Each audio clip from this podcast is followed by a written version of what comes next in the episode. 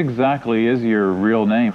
Skrzaty, Michał Rypel, e, cześć wszystkim i zapraszam na pierwszą odsłonę serii Skrzat Domowy, która w zasadzie poświęcona jest wszelkim tematom bieżącym, które chciałbym e, omawiać teraz i w przyszłości. Tematom związanym rzecz jasna z muzyką, e, z songwritingiem, ze sceną niezależną, z tym, co być może czasami pod powierzchnią, a jest jak najbardziej godne zastanowienia się, jakiejś rozmowy, debaty, bo też oczywiście zapraszam zapraszam Was do tego, by po odsłuchaniu dawać znać o tym, e, co uważacie. Można to robić czy to przez Facebooka, czy Instagrama, e, bo tam skrzaty też są obecne. To, o czym chciałem dzisiaj porozmawiać, w zasadzie tyczy się pewnego problemu, który zaczyna być trochę bardziej widoczny e, w sferze muzycznej. Wiąże się z aktywnością polityczną muzyków, aktywnością polityczną artystów, zaangażowaniem politycznym, czy też preferencjami politycznymi, które być może mogą stać w jakiejś kontrze do tego, czego oczekuje od nich y, zarówno fanbase, jak i na przykład wytwórnie, czy też y, środowisko, w którym tworzą, jakieś kolektywy, czy też y, po prostu lokalne grupy muzyków. Dlaczego akurat teraz i dlaczego akurat o tym? Bo nie dalej jak 6 stycznia nowego roku wydarzyła się rzecz, której chyba nikt się nie spodziewał, oprócz tych, którzy brali udział w tym wydarzeniu, mianowicie najazd na amerykański Capitol Y, który poprzedziły protesty przed Białym Domem, protesty związane z rzekomo zakłamanymi wynikami wyborów prezydenckich w USA. Ludzie, którzy się tam zbierali, y, to zazwyczaj sympatycy Donalda Trumpa, który w jasny sposób odnosi się do tego, jakiego zdaniem wyglądało przeprowadzenie wyborów y, i no cóż, jednoznacznie patrząc po wypowiedziach publicznych, daje znać, że w jego mniemaniu ten wynik mija się z prawdą, choć wybory odbyły się wedle wszelkich demokratycznych reguł, stąd też ostracyzm wobec ruchów protrampowskich, które negują wynik tych wyborów prezydenckich, no i szczególny ostracyzm wobec tych, którzy znaleźli się pod Kapitolem i w ogóle w okolicach Białego Domu 6 stycznia. Zdecydowanie ta grupa, która jest uważana za najtwardszy elektorat trumpowski, ale też za skrajną prawicę, która tak naprawdę godzi e, w demokrację. Informacje te e, obiegły już cały świat i wydawałoby się, że są one skrojone wyłącznie pod e, osoby zainteresowane polityką, zainteresowane sytuacją systemową Stanów Zjednoczonych, czy też stosunkami międzynarodowymi, chociaż patrząc na to, jaką burzę potrafi wywołać obecność artysty w takim miejscu, jest to także informacja jak najbardziej kulturowa, kulturalna i i sprawiająca, mam wrażenie, też niemały problem w rozgryzieniu tego, co się faktycznie stało. Tutaj akurat już przechodząc do tego konkretnego przypadku, o którym dzisiaj, a zatem przypadku Ariela Rosenberga, czyli Ariela Pinka, artysty ze Stanów Zjednoczonych, który jest dzisiaj e, uważany za jednego z ważniejszych przedstawicieli ruchów low-fi, e, muzyki niezależnej, szczególnie tych z zachodniego wybrzeża USA, bo tam Ariel Pink jest osiedlony i być może z tamtą sceną możemy go najbardziej e, utożsamiać. Ariel Pink, który e, wydał całą masę albumów, w tamtym roku wydawał zresztą reedycje, e, które wychodziły przez label Mexican Summer, który też wydał jego ostatni krążek, czyli Dedicated to Bobby Jameson.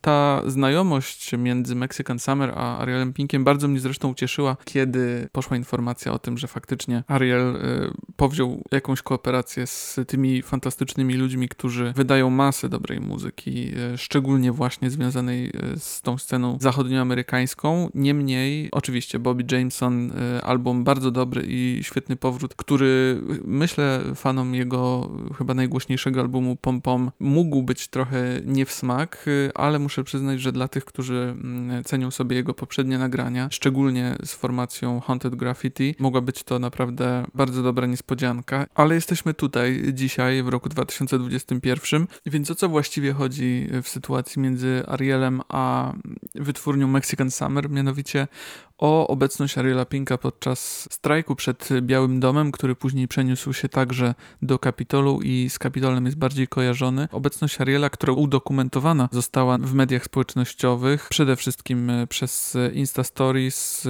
i przez zdjęcia, które publikowane były na kontach przyjaciół artysty, z którymi on zresztą znalazł się w Waszyngtonie. Byli to John Mouse, czyli dobry przyjaciel Ariela i artysta mocno kojarzony ze sceną niezależną, wymieniany bardzo często obok Ariela jako reformator czy też innowator współczesnego popowego niezalu oraz reżyserka Alex Lee Moyer, na której profilu na Instagramie pojawiło się zdjęcie tej trójki właśnie tego dnia w Waszyngtonie, a które to konto już dzisiaj jest ustawione jako prywatne, zatem nie zobaczymy tych treści, co oczywiście wiązać można mm, z różnymi reakcjami na te wydarzenia. W wyniku tych wydarzeń i w wyniku starcia z siłami bezpieczeństwa zginęły cztery osoby, zatem mamy tragiczne rozwiązanie tej bardzo dziwnej i zaskakującej sytuacji. Dlatego też, jak sami już możecie zauważyć, obecność artysty w tym miejscu, w tym czasie i w y, tych okolicznościach budzi dużo wątpliwości, dużo pytań i nie ukrywam dużo gniewu wśród jego fanów. Tutaj do czynienia mamy chyba z dużym zawodem na płaszczyźnie tego, w jaki sposób my postrzegamy artystów niezależnych, a w jaki sposób oni mogą sami siebie utożsamiać. No bo muzyka niezależna, artyści niezależni. Przecież bardzo często widzimy ich przez ten pryzmat lewicowości, niezależni, czyli stawiający się trochę w kontrze do tego, co mainstreamowe, co e, nastawione na zysk, co bardzo często też komercyjne i kapitalistyczne. A zatem Ariel, który otwarcie od bodaj pięciu lat y, wspiera Donalda Trumpa, wyślizguje się, wymyka się temu całemu przedstawieniu, wychodząc na osobę, która wcale nie jest taka, jak mogłaby się wydawać na pierwszy rzut oka. Ariel i jego nagrania, które są bardzo krytyczne wobec dzisiejszego świata, które w wielu przypadkach podważają racjonalność rzeczywistości, także tej zachodniej, bo przecież artysta ze Stanów Zjednoczonych, który jasno mówi o tym, że nie podoba mu się często to, co się dzieje.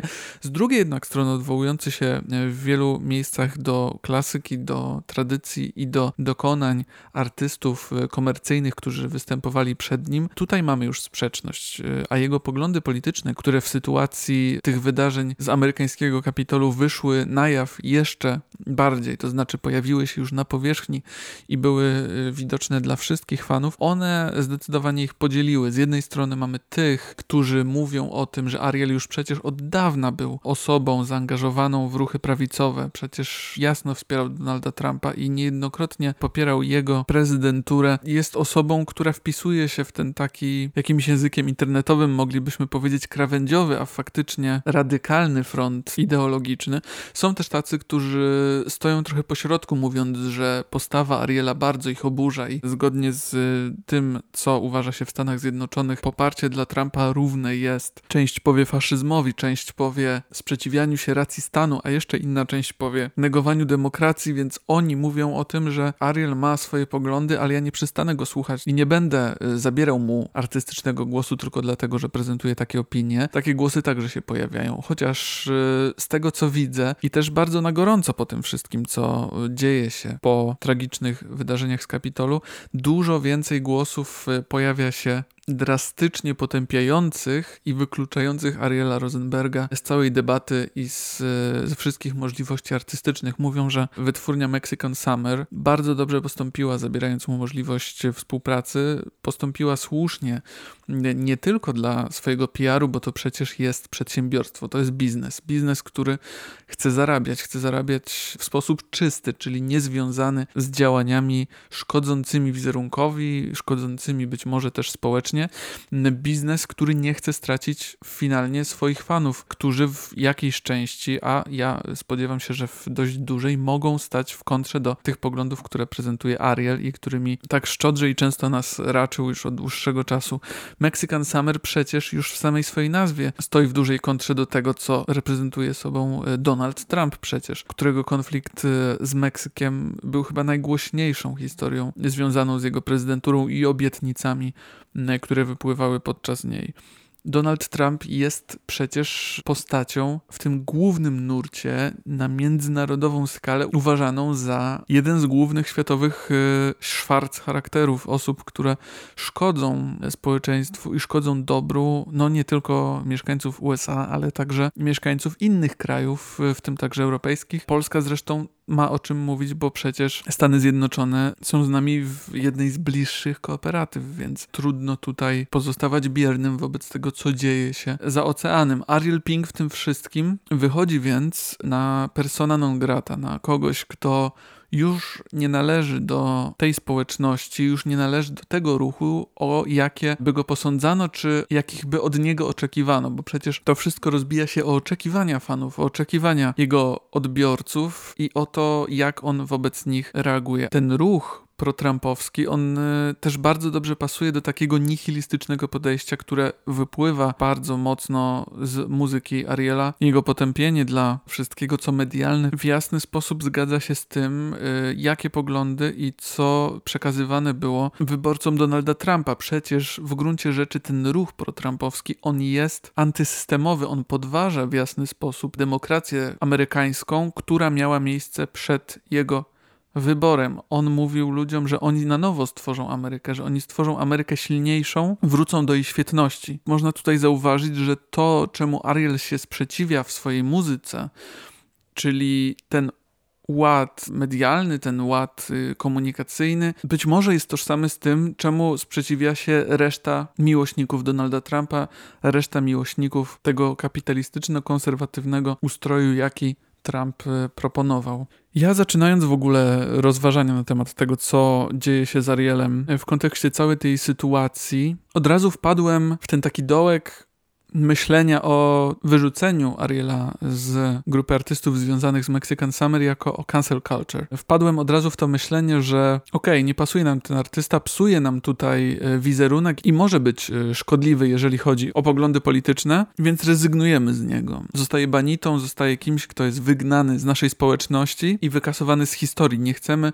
wydawać jego płyt, uciszamy go i nie pozwalamy mu się wypowiadać. Jednak e, muszę przyznać, że to stanowisko trochę się zmieniło, kiedy zrozumiałem i postawiłem się na miejscu tych ludzi pracujących w Mexican Summer, na miejscu ludzi, którzy tworzą niedużą wytwórnię, która zaczyna być rozpoznawalna nie tylko w Stanach Zjednoczonych i wydaje płyty, które zdobywają rankingi jednych z najlepszych albumów w danych latach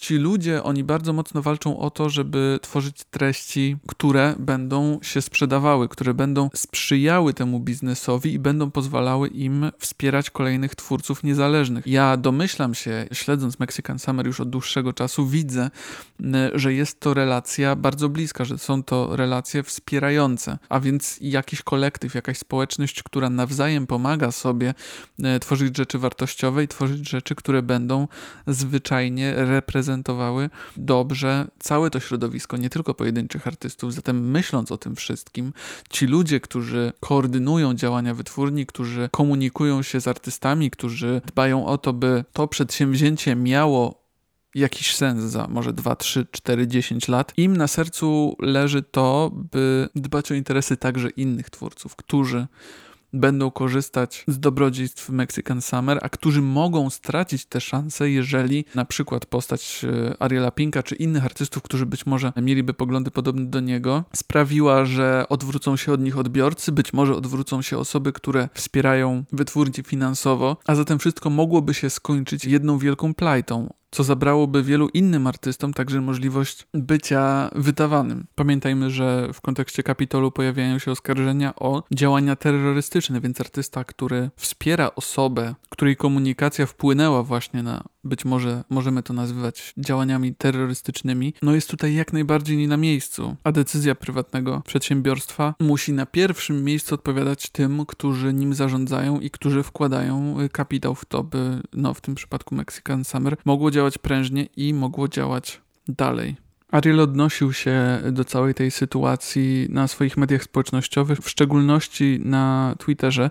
Dzień po wydarzeniach z Kapitolu pisał, że był faktycznie w DC, że protestował tam pokojowo, wspierając e, prezydenta, czyli e, w tym wypadku jeszcze Donalda Trumpa. Był tam przed Białym Domem, po wszystkim e, wrócił do domu i uciął sobie drzemkę. Case closed, jak zamknął tego tweeta, zatem chce nam tutaj dać do zrozumienia, że nie ma o czym mówić, a moim zdaniem jest o czym mówić jak najbardziej. A propos tego wątku cancel culture, Ariel Pink też się do tego odnosił. Jego tweet Welcome to the Panoptigan, nawołujący do tego, by nie tracić czasu i szybko usunąć go, jak on to nazwał, cancel me, jest taką ironiczną i trochę cyniczną odpowiedzią na te wydarzenia, bo trzeba przyznać, że obecność w tym miejscu, o tym czasie i w takich okolicznościach wskazuje na to, że nie jesteśmy oderwani od wszystkiego, co działo się tam. I nie możemy też oczekiwać, że ludzie pominą nasz nawet nieznaczny udział w protestach, które zakończyły się śmiercią czterech osób. Pytanie, które chciałbym jednak zadać na koniec i które nurtuje mnie najbardziej, to czy postawa Ariela powinna być dla nas tak kontrowersyjna i tak destrukcyjna, jak się okazuje, skoro jako fani od wielu lat przecież zdawaliśmy się sympatyzować z tą wizją artysty, który stoi na granicy, który trochę szokuje, który neguje rzeczywistość i prezentuje taką destrukcyjną wizję zastanego ładu.